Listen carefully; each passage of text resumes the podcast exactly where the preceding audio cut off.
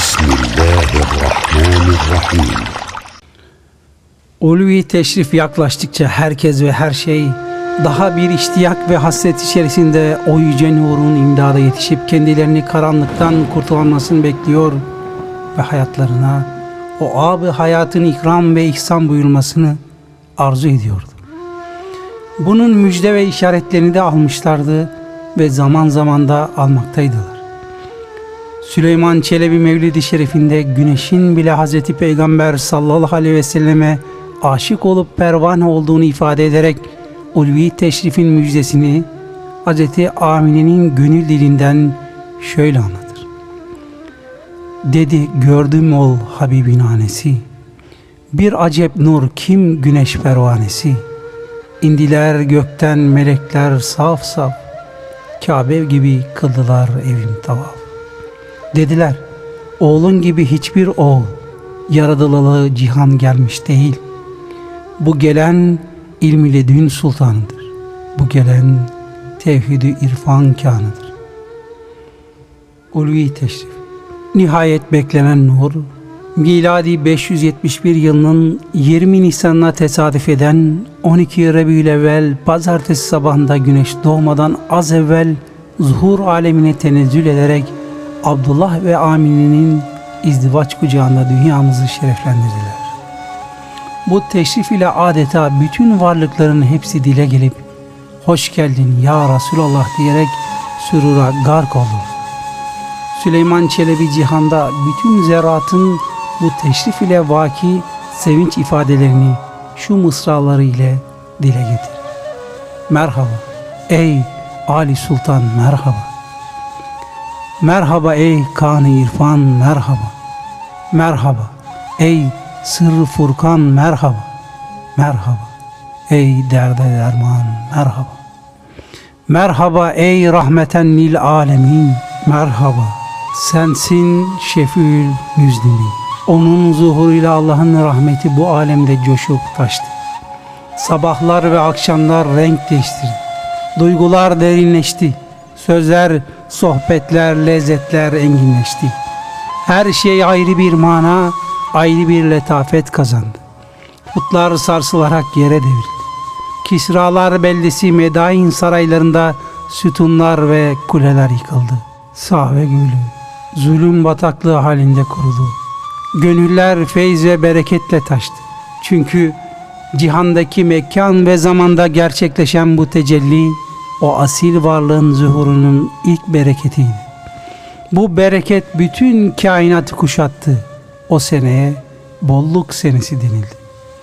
Nitekim Kadir gecesinden sonra en kıymetli gece ehli gönül için Resulullah'ın doğduğu gece olarak kabul edilmiştir.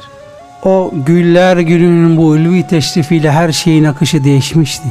Rahmet tecellileri, inci taneleri gibi kainata serpilmiş ve nura hasret çeken gönüller surura gark olmuştu. Hz. Peygamber'in çocukluğu ve gençliği. Hz. Peygamber sallallahu aleyhi ve sellemin babası Hz. Abdullah ticaret maksadı ile Şam'a gitmiş, dönüşte Medine'de hastalanarak kutsi doğumdan iki ay evvel vefat etmişti. Varlık nuru dünyaya yetim olarak gözlerini açmıştı. Bunu ifade etmek üzere ayet-i kerimede Cenab-ı Hak buyurur. O seni bir yetim bulup da barındırmadı. Edduha 6 Mübarek yavru iklim şartlarından dolayı Arap örfü sebebiyle 4 yaşına kadar süt annesi talihli kadın Halime Hatun'un yanında kaldı. İlahi esrarı alıcı hale gelmesi için onun göğsünün yarılmasının ilki bu esnada gerçekleşti. Bir gün varlık nuru süt kardeşi Şeyma ile öğle sıcağında kuzuların yanına gitmişlerdi. Dönüşlerinde Halime kızına böyle şiddetli sıcakta niçin dışarı çıktınız dedi. Kızı da yaşamış oldukları ilahi lütfu şöyle ifade etti. Anneciğim biz güneşin yakıcı hararetini hiç hissetmedik. Kardeşimin başı üzerinde devamlı bir bulut dolaşıyor ve bizi gölgeliyordu.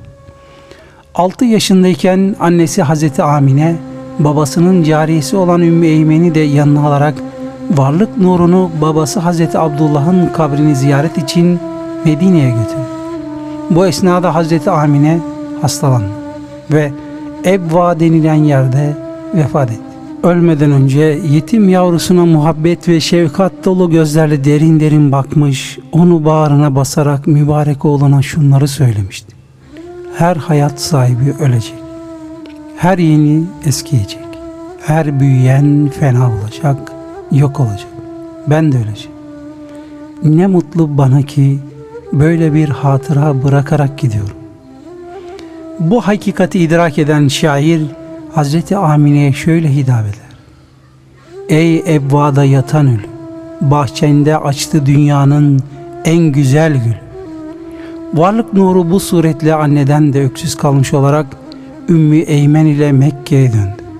8 yaşındayken dedeleri Abdülmuttalip daha sonra da kendisini fedakarane bir şekilde müdafaa eden amcası Ebu Talip vefat etti. Bu suretle bütün fani ve zahiri destekler son buldu.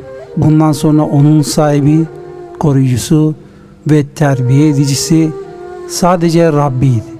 Aynı zamanda hayatının en zayıf zamanında görülen bu fani ve zahiri destekler sırf onun her türlü davranışta insanlığa az çok kabili taklit ve mükemmel bir örnek olması hikmetine memniydi. Varlık nuru amcası hayattayken ve ticarete başlamadan evvel bir müddet çobanlık yapmıştır. Bu meslek Araplar arasında adi bir meslek değil, eşraf ve zengin çocuklarının da yaptığı bir işti. Ayrıca çobanlık hemen hemen bütün peygamberlerin mesleği olmuştur. Bununla Allahu Teala onlara tebliğ vazifesini vermeden önce idarecilikte lazım olan bir takım hususiyetler kazandırmıştır. Varlık Nuru 12 yaşındayken ticaret için ilk olarak Ebu Talip ile birlikte Suriye'ye seyahat etmiştir. İkinci ticaret seyahati 17 yaşındayken Yemen olmuştur. Üçüncü ise 25 yaşlarındayken Suriye'yedir. Birinci Suriye seyahatinde Bahira isimli bir papazın Allah Resulü sallallahu aleyhi ve sellemi gördüğü rivayet edilir. Bahira o sıralar 12 yaşında olan Hz. Peygamberi bir bulutun gölgelediğini fark ederek ondaki harikuladeliği sezer ve İncil'de okuduğu vasıfları düşünerek varlık nurunun sırtına bakar. Oradaki nübüvvet mührünü de görünce mührü şerifi kemali edeple öper ve Ebu Talib'e Ey Ebu Talip bu mübarek çocuk enbiyanın hatemidir. Onu muhafazada dikkatli olun der. Ancak bu hadise dolayısıyladır ki Hristiyan müsteşrikler İslam'a leke sürebilmek için Hz. Peygamber sallallahu aleyhi ve sellemin Bahira'dan telkin aldığı iddiasında bulunurlar. Bu ise tamamen hilafi hakikattir. Kur'an ve tevhid akidesine zıttır. Zira Bahira testis akidesine inanan bir papazdı.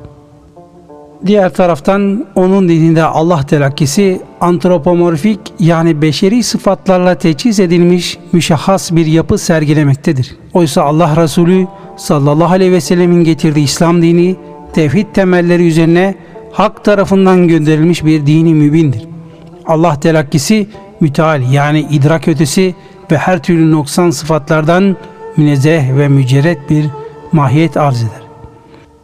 Bu hakikat dolayısıyladır ki İslam ehli kitabın bisetten evvel de olsa ancak ilahi istikamette olanlarının kurtuluşu edebileceğini Kur'an-ı Kerim'de şöyle bildir.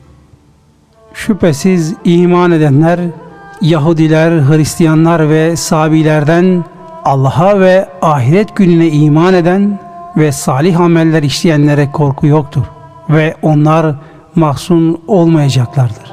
El-Bakara 62 Hz. Peygamber sallallahu aleyhi ve sellem Efendimiz bütün zaman ve mekana son peygamber olarak gönderilmiş olduğundan kendisinden evvelki bütün dinler mensuhtur. Dolayısıyla Allah'a iman edip Hz. Peygamber sallallahu aleyhi ve selleme iman etmemek küfürdür. Bu sebeple bugünkü ehli kitabın dindarları yukarıdaki ayeti kerimenin şumulu dışındadır. Onun yetim ve öksüz çocukluğu ile gençliği, bir nezahat ve en parlak bir istikbale liyakat ifade eden bir ulviyet içinde geçiyordu. Farik sıfatı el-emin ve es-sadık idi. ona bu sıfatları verdiren pek çok numuneyi imtisal olan hadiseler vardır. Bunlardan biri de şöyledir. Bir genç kendisine bir yere giderken rastlamış ve ona bir emanet bırakarak orada beklemesini rica edip hemen geri döneceğini söylemişti.